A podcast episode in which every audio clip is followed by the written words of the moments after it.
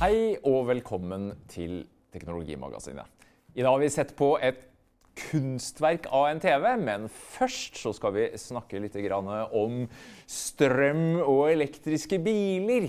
For det skjer eh, mye om dagen, Per Christian. Eh, og ikke minst, eh, det har dukka opp en ny elbil som folk stiller seg tusentallsvis i, kø for å signe opp for, nemlig Hyundais nye minisuv Kona. Ja, det her er jo ikke noe lite aktuelt heller. altså denne uka kom jo statsbudsjettet med den ganske overraskende eh, forslaget da, må vi kunne kalle det foreløpig, om å legge skatt på de tyngste elbilene. Ikke skatt, da, men mindre Den såkalte Tesla-avgiften. Ja. Eh, den slipper vel eh, Hyundai Kona greit unna, tipper jeg? Ja, og det skal vi se litt nærmere på nå, hvorfor det akkurat er sånn. da. Og Nesten oppunder 7000 har meldt seg på for denne Eh, en sånn mini-SUV som da heter eh, Hundai Kona. Vi vet ikke engang hva prisen er.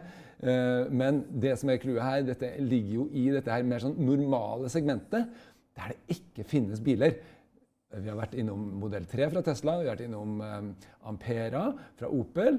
Ingen av disse her er jo å få tak i.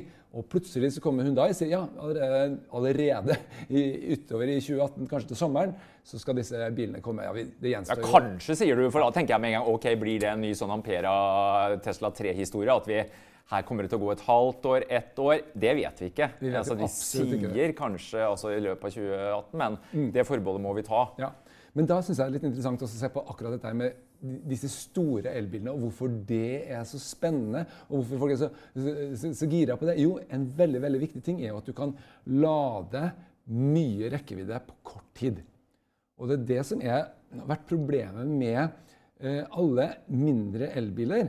De eh, lar deg, eh, altså de tvinger deg til å bruke lang tid på lading, og egentlig så er det det alt dette er problemet med elbilene handler om. Det er jo ikke egentlig, Folk snakker veldig mye om rekkevidde, men det er jo ikke det som er problemet. Det er jo når du, når du skal lade, hvor lang tid du da bruker på å få den opp igjen. Ja, Ikke hjemme, men først og fremst, men kanskje du er på farta. Ja. Jeg, Greit med pølse, den er jeg med på. Mm. Men å sette meg ned og spise en eh, middag med dessert på veikroa for at jeg skal vente på lading vil ikke, Nei. som du sier. Eh, men, men, dette her med, altså Tesla har jo hatt sine superchargere, eh, som har eh, lada på ca. 120 Eh, kilowatt, men en vanlig supercharger altså Hurtiglading har vel vært på rundt 50 også på de minste. Ja, ja, det kalles jo eh, hurtiglading. Og, hurtiglading per i dag. Ja, og, men der skjer det ting nå. Ja, det er sånn at Tesla har vært i en klasse for seg. Og det har å gjøre med vekten. Det er det som er viktig å forstå her. Det er at Hvis du har et kjempestort batteri, så kan du egentlig lade det du gjør er at du gjør det parallelt. Så lader du bare alle batteriene samtidig. ikke sant? Og da blir det veldig mye Eh, altså du fordeler en kjempekraftig eh, ladning. Eh, Tesla bruker 480 volt. Eh, og, og, fordeler det på alle batteriene, så blir det mye kilometer per minutt i rekkevidde lada. Da. Og det, det, er det de andre ikke har, og det er det, derfor Teslaene er så tunge. Det er mye batterivekt, altså. Ja, det er det som er problemet. Folk liksom er så forbanna over dette her nye forslaget. fordi at i, i distriktene i Norge for eksempel, og også de som skal kjøre langt, så de eneste muligheten du egentlig har, har vært en Tesla. Stor elbil som har vært en Tesla. Ja. Og så, Da kommer det også interessante konkurrenter til Tesla nå. Da. Og En av dem som da satser nettopp på det med ladetid, og bruker det som sitt primære eh, fortrinn, det er jo Porsche. Ja, det er også en eh, bil det er eh, ventetid på. Ja. Eh, denne. Mission E, som på en måte er den bilen som jo da kommer i 2019, sier man vel. Ja. Og nå visste jo Porsche fram nå Det var, det var ikke en Mission E, da brukte de en Cayman, er den heter, ja. som var da stæsja for dette 800 volt-laderegimet som Porsche, også sammen med faktisk Det er vel både Daimler, BMW og Audi og de andre som skal være med å bygge ut dette her. De snakker om 400 ladere her i det i 2020. Men liksom, høyere volt skal da gi muligheten for å få ned ladetiden. Og her snakker man ikke om, eh, om 50 kW, her snakker man om 350 ja. kW. Og ja. da er det elektroner som bare suser eh, kjapt gjennom kabelen. Ja. Og det som også ble klart, er at eh, Porsche nå har sagt, er at denne bilen skal i produksjon. Det har liksom vært en mye sånn frem og tilbake med at uh, ja, det er en sånn designstudie og sånn, men nå sier de ja, dette skal ut, og, vi kommer til å lage et nettverk sammen med andre samarbeidspartnere, sånn at det blir mulig å få lade disse bilene kjapt. ikke sant? Og da sier de et kvarter på å lade sånn typ 80 da, og da rekkevidden er liksom 500 km, så at du har nok av det du trenger. Ja, Men det er da med 350 kW. Ja, og de da, sier jo samtidig at ja, i starten kanskje 150 ja. Og så her er det mange høner og mange egg. Ja, Mission E den var i Norge, visste du det? For et par uker siden. De viste den fram eksklusivt for Porsche-forhandlerne. Og da kom det bl.a. fram at de gjør om litt. Nå blir det fem seter istedenfor fire. Okay. Fint hvis du har eh, tre unger. Ja. Men hvis vi er realistiske nå, Geir, kommer noen av oss til å kjøpe oss en Mission E? Jeg er så glad i sykkelen min. Nei, altså, den, blir, den blir nok, uh, tipper jeg, forholdsvis uh, dyr. Vi altså, snakker vel en, en, det en bil, Hvis den koster under en million, så blir jeg overraska. Ja, det det dette her er jo sånn som morsomt for oss å snakke om og se på, og sånn, men i praksis er jo ikke dette her noe for folk. Og derfor er det den andre store uh, batterinyheten denne uka her, som egentlig er den mest spennende, nemlig Toshiba, som har lansert en ny utgave av sin Eh, batteriteknologi. De kaller den SCIB. Ja, for Det er et sånt litium-ion-batteri som de har hatt nå egentlig mange år. som De, har hatt i en ti års tid. Ja. Men stadig utvikla det. De kaller det for Supercharge Ion Battery. Det er bare deres navn. da. Ja. Men de har gjort en fundamental endring. da. Nå bruker de eh, en anode som heter titan-nioboksid. Og niob, da. Niob, ja. Det er jo da et grunnstoff som vi knapt har hørt om. Eh, men eh, veldig mye av eh, framskrittene på Ehm, på eh, batterifronten handler nettopp om kjemien, hvilke stoffer du bruker i denne anoden. da. Uh, og det de sier er at Her har de virkelig eh, gjort et eh, gjennombrudd. da. Ja, Det er ikke bare en evolusjon, for de er veldig opptatt av at nå gjør vi et, liksom et ja. lite kvantesprang. Ja, da. De altså... sier vi tredobler på en måte rekkevidden. Og da skal vi høre litt hva de egentlig mener med det med rekkevidde. Er ikke det hastigheten de snakker om? Fordi, Tre ganger raskere? Ja, det er egentlig det de, de snakker om. at det, skal, det, de snakker om det viktige her, det er ikke på disse store batteriene på 60 kW og, og sånt nå, kilowattimer og sånt nå. Det er eh, på et lite batteri på 32, som er da standard liksom, i alle nye elbiler som du får i dag, så skal du klare å lade det på seks minutter. Ja, Det er ganske heftig. Det er pølsebrød, det. Ja, akkurat. Det, det er pølsebrød, og det er det som er det siste som holder elbilen tilbake. Så hvis dette her er riktig, så, så er det på en måte, da er det ikke noe mer snikksnakk. Da er alt bedre med en elbil. Uh, fordi ja, utslippene ikke sant? Uh, ikke, ikke, bare det, men du klarer deg da med mye mindre produksjon av batteri. Det store utslippet fra en elbil er jo når du produserer de kjempesvære batteriene. Det er et klarer du det med mye mindre batteri, så blir jo utslippet mye mindre også. Kan du til, kanskje til og med produsere dette i Norge? Det fabuleres det jo om. da på ren strøm, så blir det jo enda lavere total Det blir pent miljøregnskap. Eh, så begynner det å bli bra eh, miljøregnskap. da. Og så var det en annen ting også. Så, du, du, nevnte, Jeg tør ikke å si det ordet. Altså, det, nye, jeg tenker på bytte av anodemateriale. Ja. Eh, det var en annen ting der som jeg synes var litt interessant. Altså, de påstår da at eh, ved å bytte anodemateriale så får man eh, mindre såkalt sånn litiumpletering. Og det gjør at du skal kunne hurtiglade også når det er kaldere, ned mot 10 minusgrader. Og jeg tenker, når jeg skal på hytta på fjellet på vinteren så er jo det et poeng. Altså Én ting er hva som skjer borte i San Francisco, California, og der er varmt. Uh, men det er, det, det, er, det er, også litt snasen, syns jeg, at eh, det kommer oss til gode, vi som uh, bor her oppe. At ja, det skal ha en positiv effekt også på lading i kulde. da. Ja, I den spesifikasjonslista som jeg leste, så sto det 10 plussgrader. Ja, jeg leste 10 minus, og de mente at det var en av Eller var det Det må vi se. Ja, nei, det, det var De, de fremheva at det skulle kunne ha ja. en positiv innvirkning på, på lading ja. i men, ja, men uansett da, så er jo det som, er, som, folk må være klar over her, og som kanskje ikke er blitt så tydelig eh, egentlig for alle, det er jo det at det er ikke noe problem å hurtiglade et batteri. Det går egentlig veldig fint. Problemet er du ødelegger batteriet. Det blir slitt ut. Det blir slitt ut, Og det blir en permanent skade. Det er noe med kjemien som gjør at hvis du dytter på for mye strøm, og eh, hele systemet ikke tåler så mye, så reduseres levetida. Og det er det som er det store problemet når det gjelder elbiler.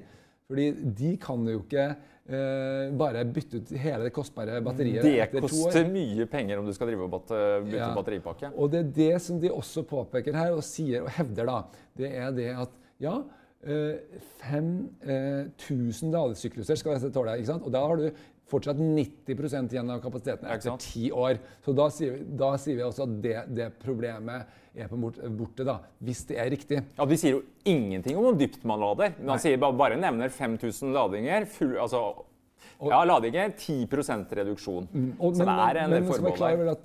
Alle disse her eh, forskjellige utgavene av disse batteriene har egentlig det samme problemet.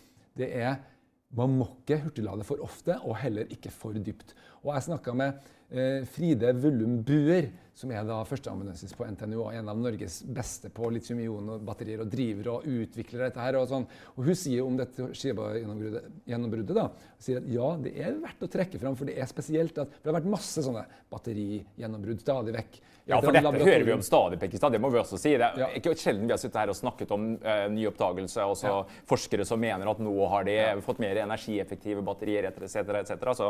Men forskjellen er at her er det en uh, etablert aktør som produserer allerede, som sier at i 2019 skal vi ut med disse batteriene, og de skal ha denne kapasiteten. Så uh, det gjør jo at vi får litt mer tiltro til dette, at dette er ganske, er ganske nært uh, forestående. Da. Men det jeg skulle si, problemet er også på Teslaene. De heller tåler ikke for mye hurtiglading. Hurtiglading det er noe du gjør på disse lange turene. Og uh, det, det kan du ikke gjøre hver eneste dag, og du kan heller ikke gjøre det fra bunn til topp uten at det koster deg. Og hvis du gjør det for ofte, så kommer Tesla automatisk til å skru ned hvor mye du får lov til å hurtiglade. Eh, og spesielt hvor, fra hvor lavt til hvor høyt. Ja, Det er flere som klager på at jeg fikk lada på 120, og nå plutselig får jeg bare på 90. Ja. Eh, men det er som du sier, Tesla er inne og, og skrur. Ja, men det er de, ikke Vi vet at de må ha lang levetid på batteriet, ellers så blir folk fra seg. Det er, det er tross alt verre ikke sant? at ikke, batteriet lever og du må bytte det ut. Så da har de liksom lagt inn en sånn øh, beskyttelsesmekanisme som er automatisk øh, inne i, i batteriet. da. Og Det som øh, eksperten da, på NTNU sier om dette, her, er at det er det som er det vi ikke vet om akkurat eh, dette fra SCIB, da, fra Toshiba. Ja, hvor, hvor, dype er disse ladningene, og hvor, hvor, ofte og hvor, hvor, sterk er den strømmen som brukes. da. Vi kan regne med at den samme mekanismen er der uansett. At hvis du hurtiglader eh, med ekstrem styrke, da, som det her er snakk om, for ofte, så vil det gå ut over kvaliteten. Og det der tenker jeg at du, du fortsatt vil ha noe som er uløst. Fordi, spesielt de som, for de som bor hjemme eller i suburbia, så er jo dette greit, for da parkerer du utafor. og så uh, stikker du i, uh, og så lader du over natta. Og så er det hurtiglading. Ja, det er bare én gang iblant når du skal på langtur. Så det er ikke så farlig. ikke sant? Men hva med alle dem som bor i byen? Som ikke kan parkere utafor, som er avhengig av å dra til en bensinstasjon eller ladestasjon og lade der, og da bør det helst gå fort. De har fortsatt et problem, for hvis du skulle basere deg på det hele tida, så er det ikke sikkert at eh, batteriet ditt lever så lenge som eh, du hadde håpa. I Genéve så lader de bussene med 600 kW. Bare noen sekunder på stasjonene. Men det er én ting jeg tenker på. Christian. Ja, er, eh, altså, Hvor enkelt er det egentlig å hurtiglade? For nå er vi inne på høna og egg igjen. For Poenget er at vanlige ladestasjoner i dag de har stort sett eh, hurtiglada med 50 kW. Og hva nå? Ja, batteriet tåler 350 men problemet er jo at foreløpig så er det ekstremt få uh, ladere der ute. Uh, jeg vet bl.a. Fortum de setter nå opp et nytt ladernettverk nå, som skal støtte 350 kW fra Oslo, Stockholm, Helsinki. Det er for øvrig ABB som lager disse nye laderne. Men som de sier, det eksisterende nettverket det må vi da oppgradere. Og en annen ting, altså denne CSS-standarden skal du Altså, det fins per i dag nesten ingen biler som støtter altså lading på type 350 kW. Da må du over på en helt ny standard, CCS2. Og Fortum sier at det er først neste år, når denne nye Audi e-tron-SUV-en kommer, som angivelig skal kunne klare å lade med 150 kW, at de vil se noe. Jeg så Elon Musk tvitra jo her det var, det var, på CS. Der fikk vi dessverre ikke vi vært med, Christian. Men der var jo et firma som viste fram superladere som skulle klare 200 til 1000 volt og kunne lade med 400 kW. Og da tvitra jo Elon Musk ja, om 350 er, er det leketøy. Altså, det, det, kommer noe, noe der òg. Men som han sa på Fortum, det de også må gjøre når de skal oppgradere ladestasjonene til å kjøre altså, høyere volt, altså mer spenning i elektronene, så må de ha kjøling i selve kabelen. Altså, kabelen blir jo tjukk. Kjøling, så Det er en del som skal gjøres på infrastrukturen her. Og batterier, det er kjemi. Det er 100, var en som skrev at det er 130 kjemiske parametere å skru i. Så, så, jeg er liksom Jeg vet ikke om vi har 350 kilowatt supersarging supercharging eh, med det første. Altså, her er det mange det parametere som skal å, på plass her. Altså. Ja, Også det med tilførsel til disse stasjonene. Ikke sant? Skal du ha ut, du skal ha redundans eh, både på strøm, hva med men, gjort, kommunikasjon Men, men, men, men gjør nå ikke dette så vanskelig. Det har vært gjort undersøkelser på liksom, strømkapasitet og, og sånt på nettet. og Det viser seg at ja, eh, det er ikke sånn at det er umulig å gjennomføre på uh, de nødvendige uh, ladesyklusene på uh, dagens nett. Ja, man må liksom tenke på dette her når man plasserer superlader f.eks. Du kan ikke koble det på hva som helst. Men det er mulig. Det er ikke liksom sånn helt utafor uh, rekkevidde. sånn at uh, det, og, og, selvfølgelig, det blir jo et marked der også, ikke sant, som vi er villige til å betale litt for dette. her. Så jeg er ganske optimistisk med tanke på dette. her. Om akkurat dette med Toshiba holder, det får vi se. Får vi... Men det er i hvert fall veldig spennende. Ja, Utvilsomt. Vi går videre. Som dere ser, så har vi fått en TV inn i studio, for nå skal det nemlig handle om TVP. Christian. Og, og det kan være så mangt. For vi var nede og titta på et kunstverk av en TV, nær sagt eh, bokstavelig talt. Samsung Frame. Mm, The Frame. The Frame. Eh, som da har et, i motsetning til alle andre Samsung TV-er, som har et helt umulig navn, så har den faktisk et navn. Og det har vel litt sånn sammenheng med hva slags type uh, produkt det her er òg. Det er jo litt sånn egentlig det mange kunne ønske seg, nemlig at denne svære altså Grunnen til at man ikke vil ha en svær TV, er jo at den er, står der og er svart og dominerer hele stua. Ideen med The Frame er at når du skrur den av, så blir den ikke svart. Den blir til et kunstverk. Som ø, da i tillegg skal stå og skifte. Og det er litt sånn, det synes jeg var litt sånn morsomt, for det er ikke bare, det er ikke bare liksom et hvilket som helst bilde på skjermen. Ja, For det har vi sett før. de tar det videre nå, ikke sant? Ja, de gjør det. De, de legger da inn kunstverk. du kan abonnere. Det følger med tror jeg, 100 stykker. Og så I tillegg kan du abonnere, og da får du kunst fra de siste utstillingene rundt omkring i verden på uh, ja, noen få kjente Sånn Spotify for kunst, nesten? Ja, på en måte. Sånn, du abonnerer på en strømme, kunststrømmetjeneste? Ja. Og, uh, men det som er clouet her, med en sånn 4K-skjerm, så blir jo oppløsningen så høy at Oi, plutselig så blir det vanskelig å skille dette her. Og i reklamen som vi ser her, så er det sånn at det er vanskelig å skille mellom et vanlig bilde og, eh, altså et kunstverk da, og en eh, TV-skjerm som dette her. Og det har de gjort med litt sånn triks. ikke sant? Det har de lagt noe sånn, det ligner jo litt på sånn uh, True Tone-opplegget de har fra Apple. Det får ikke helt inntrykk av at det er fullt så avansert som du får på den nyeste iPaden, og sånn, der du virkelig ser at det matcher lyset i rommet. Men når vi var, så på dette, så syntes jeg det var ganske overbevisende. Uh, og uh, pga. den høye oppløsningen så ser jo dette sånn, Foto for eksempel, ser jo knallbra ut. Og så, også, I tillegg så har de dette med at du kan legge på en ramme rundt. Ja, det måtte du kjøpe, måtte du ikke? Say hello to a new era of mental health care. Cerebral is here to help you achieve your mental wellness goals with professional therapy and medication management support. 100% online. You'll experience the all new Cerebral Way, an innovative approach to mental wellness designed around you. You'll get a personalized treatment plan from a therapist, prescriber, or both in a safe and judgment free space. Your cerebral therapist or prescriber will outline a customized plan with clear milestones along the way so you can get to feeling your best. With Cerebral, you're not alone in your mental health journey. We're here to empower you to live a fulfilling life.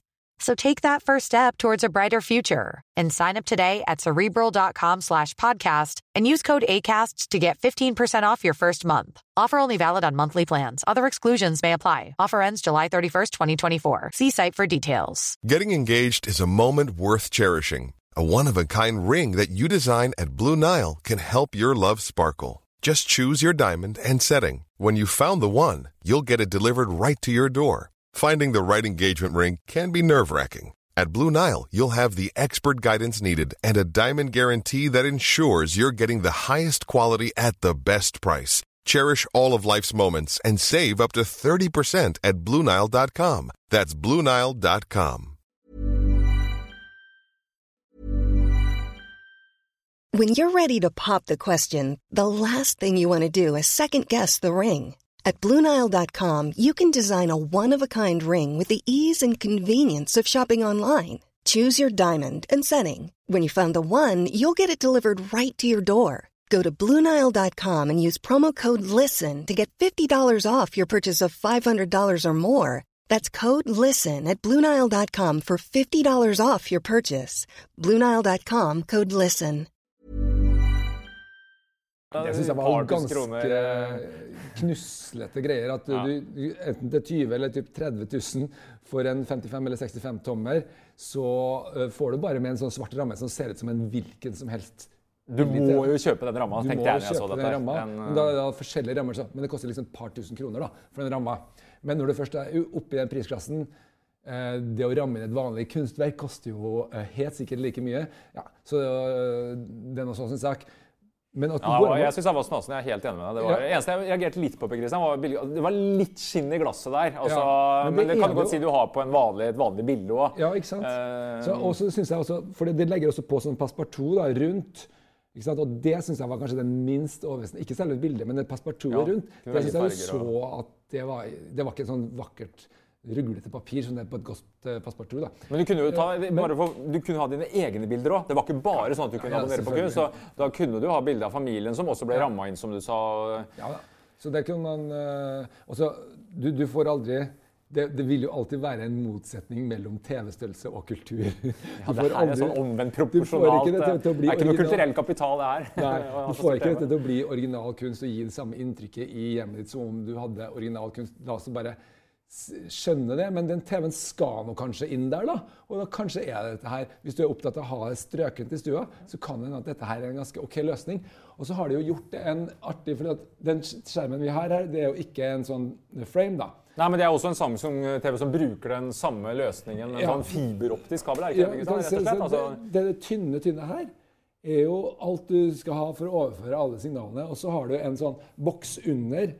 Eh, ja, sånn klassisk medieboks. Sånn breakout-boks som er ganske ja. vanlig. da på sånne TV-er som skal liksom skjules i veggen. Men han trenger strøm, da, Per Christian. Ikke glem det. da. Så var det det da, vet du, som var liksom den store ulempen. ikke sant? Ja, du, ja selvfølgelig. Ser fint ut. Men han i butikken da foreslo jo at vi skulle bore et hull i og Det hadde jeg ikke egentlig tenkt på, for jeg har gipsvegg. Det er mange som har. Uh, bore et hull i gipsveggen, og så slippe da strømkabelen ned der. Ja. Ta den ut et annet hull lenger ned, så slipper du å liksom bore i veggen. Litt Reodor Felgen, rett og slett. Ja. Så det er klart at du kan jo tvike og mikse litt, men eh, det er to kabler som skal opp, rett og slett. Ja. Uh, og så kommer den her også i en, en litt mindre utgave nå, sa de. altså En 43-tommer. Ja, for vi så en 65, det vi ser på VB-en her. Ja. Og så had, har de hatt en 55, så har det vært en suksess, mente Samsung-representanten. Spesielt ja. blant litt eldre folk, som gjerne uh, ønska en sånn bildeframviser, men syns det ble litt stort. Ja, jeg, jeg, det er jo interessant. Jeg, jeg, jeg syns at det uh, er lett for å se for meg at dette Det er faktisk ganske mange som syns at oi, ja, men det kan jeg faktisk være villig til å betale ganske mye for. Men så må jeg også si at det er faktisk ikke den nyeste, råeste eh, skjermteknologien i den. Det er jo den Nei, det er ikke eh, high-tech-entusiastskjermen. Men, men, men, den har disse aspektene da, som eh, nok kan være viktigere for mange. Og så kan du da få en svær kinoopplevelse eh, hjemme i stua. ikke sant? Samtidig som du da, når du skrur den av, og kanskje gjør det oftest, har noe stilig å se på. Hvorfor ikke, tenker jeg. Ja. Men du, når vi var i butikken der, så eh, ble jeg litt sånn eh, tankefull. Fordi vi, jeg så jo hvor vanskelig egentlig dette her er. Eh, her har vi jo en 55-tommer, eh, da.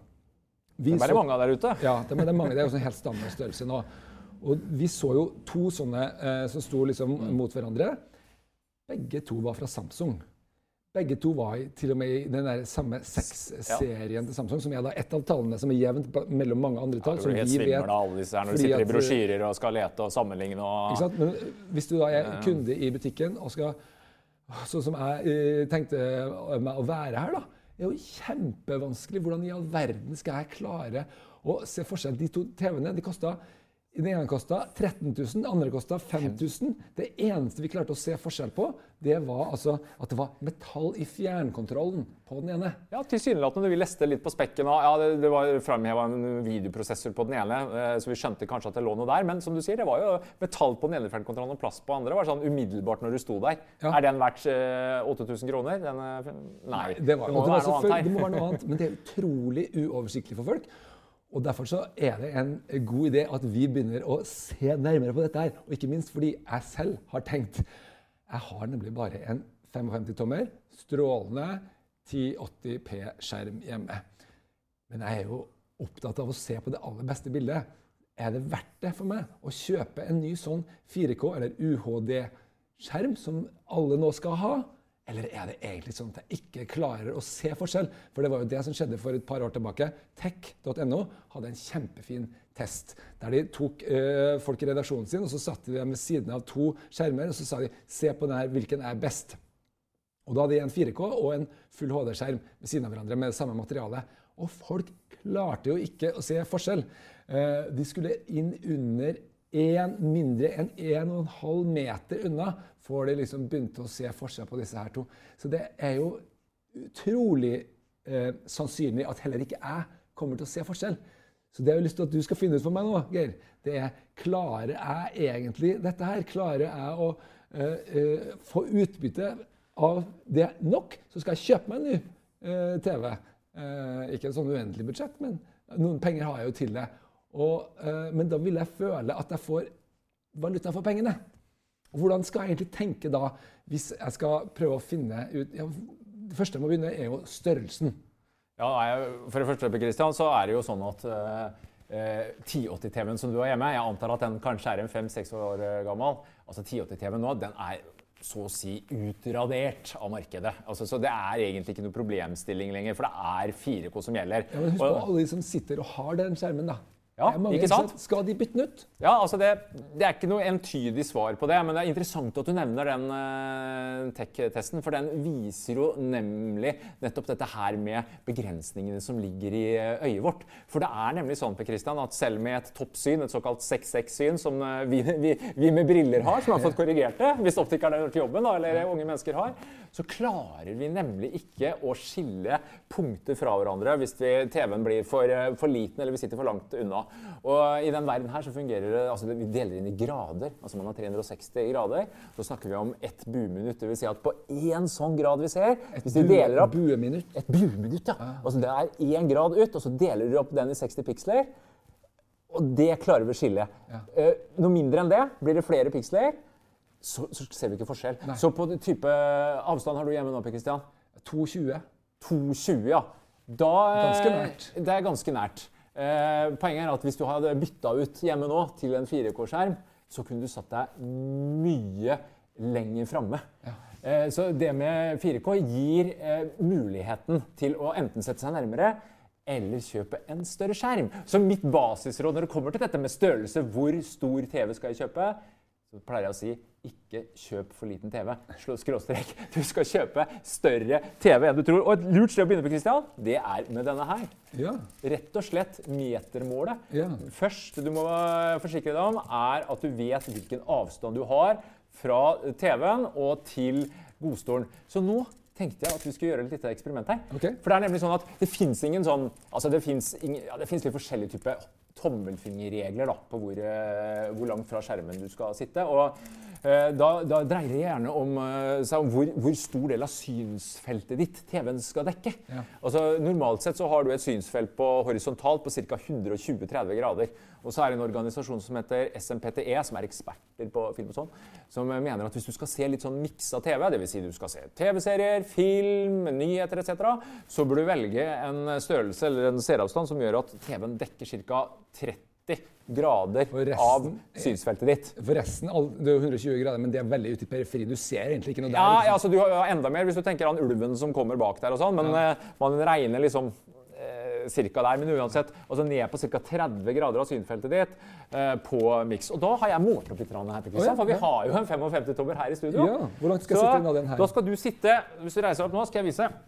Da skal du, For at den TV-en nå skal være ca.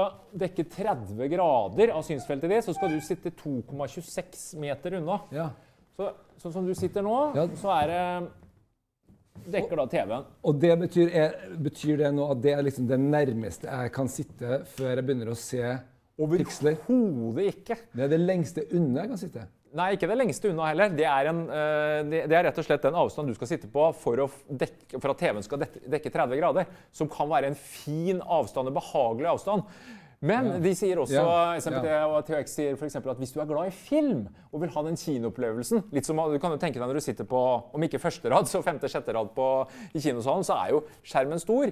Og da sier de at da bør TV-en dekke 40 40 grader av synsfeltet ditt. Hvis vi reiser meg da, så skal vi være målt her, og da er vi på en 55-tommer.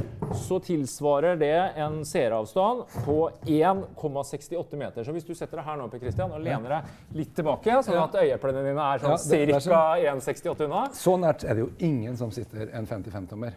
Nei, men altså, hvis du skal ha en skikkelig eh, kinofølelse, så eh, er det som er anbefalt. Men hva gjør du da hvis du sitter unna, eh, lenger unna? Ja. Jo, da må TV-en bli større. Så det, det som er clouet her, altså, det er hvor langt det er i stua di mellom deg ja.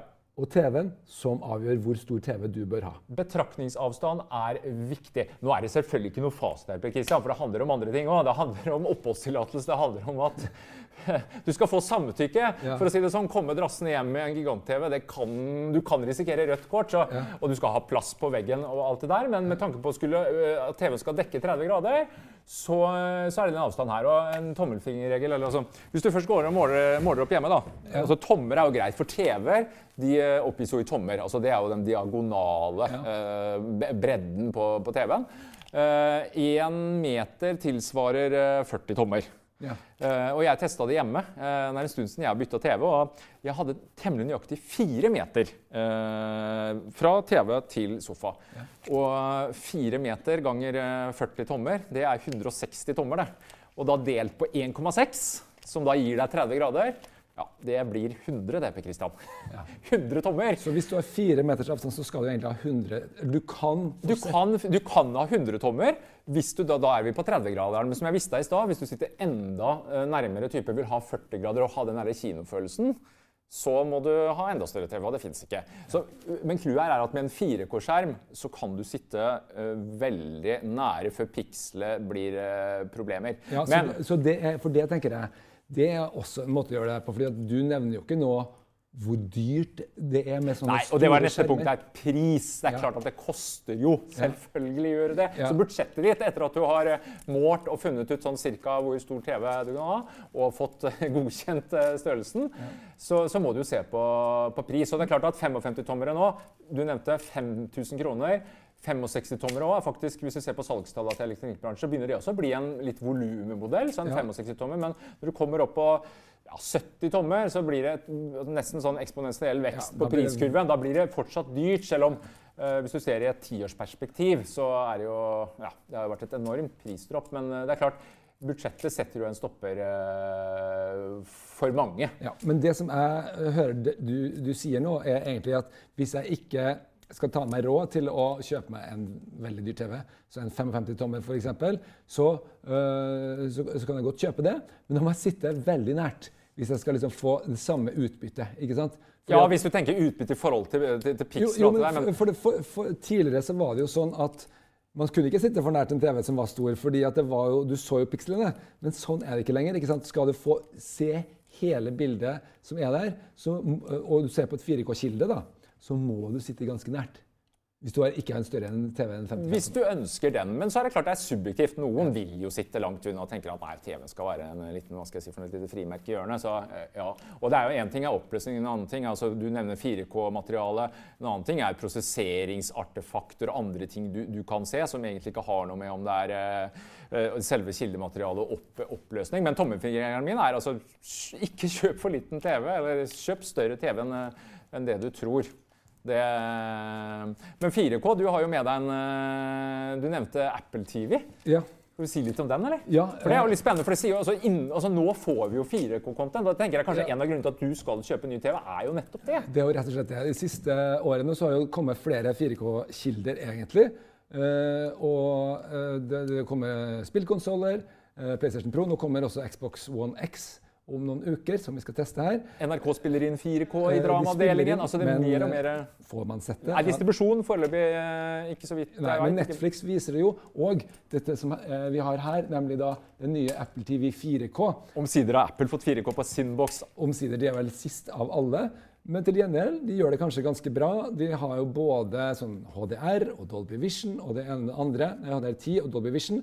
Så vi skal se litt nærmere på dette her etter hvert utover høsten. For det er mange ting som tydeligvis spiller inn i denne veldig vanskelige beslutningen. Ja, for det, det handler ikke bare om antall piksler, det handler om kvaliteten på pikslene. Du nevnte HDR, f.eks. Altså, det, det, er flere ting, og det, det, skal vi ta litt for oss nå i noen programmer framover. Ja, men foreløpig konklusjonen er din er jo veldig enkel. Bare kjøp større enn du tror. Ja, og så er jeg spent på om jeg klarer å overbevise deg om å kjøpe større TV til slutt. Vi får nå se, da. Skal jeg gjøre det, så skal jeg ha noe som jeg føler at er bedre enn det jeg hadde fra før. Og når jeg har sett på 4K-materiale til nå, så har det ofte vært prega av at ja, det ser jo bra ut, ja. Mm, mm, mm. Da Apple eh, demonstrerte dette her for meg i London for et par uker siden, uh, denne eh, utgaven her, så var jo det de sa Se nå, følg med! Se i detaljene i gresset. Følg med der på himmelen der. Liksom. De måtte altså gjøre meg oppmerksom på det. De måtte fortelle meg hva jeg skulle se etter. Ehm, så det er jo noe som gjør at jeg blir litt sånn i tvil. Mm, ja, er det egentlig noe jeg ser, eller er det noe bare jeg liksom får følelsen av at jeg må ha fordi de sier jeg må ha det? Det minner meg litt om det her eh, 3D-hysteriet som var for en år tilbake, som jeg heldigvis unngikk og uh, gjennomskua med ja, en gang. fordi det, det syns jeg var en total avledning av hele seeropplevelsen. Jeg ser jo, Folk ser jo på uh, eh, 3D på kino, f.eks., selv om jeg ikke liker det. Så det er liksom litt sånn smak og, uh, og, behag. Men alt dette her skal vi gå litt nærmere inn på etter hvert. Det skal vi gjøre. Men nå skal vi ha ukas anbefaling. Ukas anbefaling. Du har løpt og skutt eh, spillet Cuphead. Ja. Uh, dette var et spill som kom for et par uker siden. Det er på Xbox og på Windows. Uh, ikke sånn fullprisspill, men litt sånn billigere nedlastning. Uh, det la jeg egentlig ganske fort fra meg, for uh, jeg syns ikke det appellerte så veldig. Så vanskelig, det? Ja, ja, det var rett og slett litt vanskelig for meg. Så prøvde uh, Så leste jeg en litt sånn der anmeldelsen av Ode til dette spillet. Det var så fantastisk bra. Så tenkte jeg Oi, jeg må jo prøve det igjen. Og grunnen til at det var så fantastisk bra, var jo at det var så vanskelig. Og da merka jeg jo på meg sjøl at etter hvert som tida har gått, Spillene har jo blitt enklere og enklere. De varer lengre og blitt enklere og enklere. Her har du et eksempel på sånn old school, kjempevanskelig arkadelignende spill med kjempestilig eh, design. Ser ut som en 1930-talls tegnefilm. Og begynner på nytt hvis du ryker og sånn? eller? Ja, ja, ja. Jeg brukte én time på å klare aller første nivået. Oh. Og kanskje prøvde om igjen kanskje 20-30 ganger for bare for å komme i gang. Så det er veldig lett å miste motet. Men hvis man vet at det er vanskelig, og det jobber seg litt opp, så går det kanskje. Og da blir det faktisk veldig gøy, fordi det har dette preget som veldig gode spill har, nemlig at ja, du du tar små steg. Du blir faktisk litt bedre. Du merker det, og du kan også etter hvert opparbeide sånn oppgraderinger da, som gjør at ting blir faktisk litt enklere enn det var i starten. Veldig veldig morsomt, originalt utseende. Eh, noe som absolutt er ukas store spillopplevelse for meg. På andre gang så satt den i sikringsboksen. Ja. jeg tror vi setter strek for denne gang, og takk for at du så på.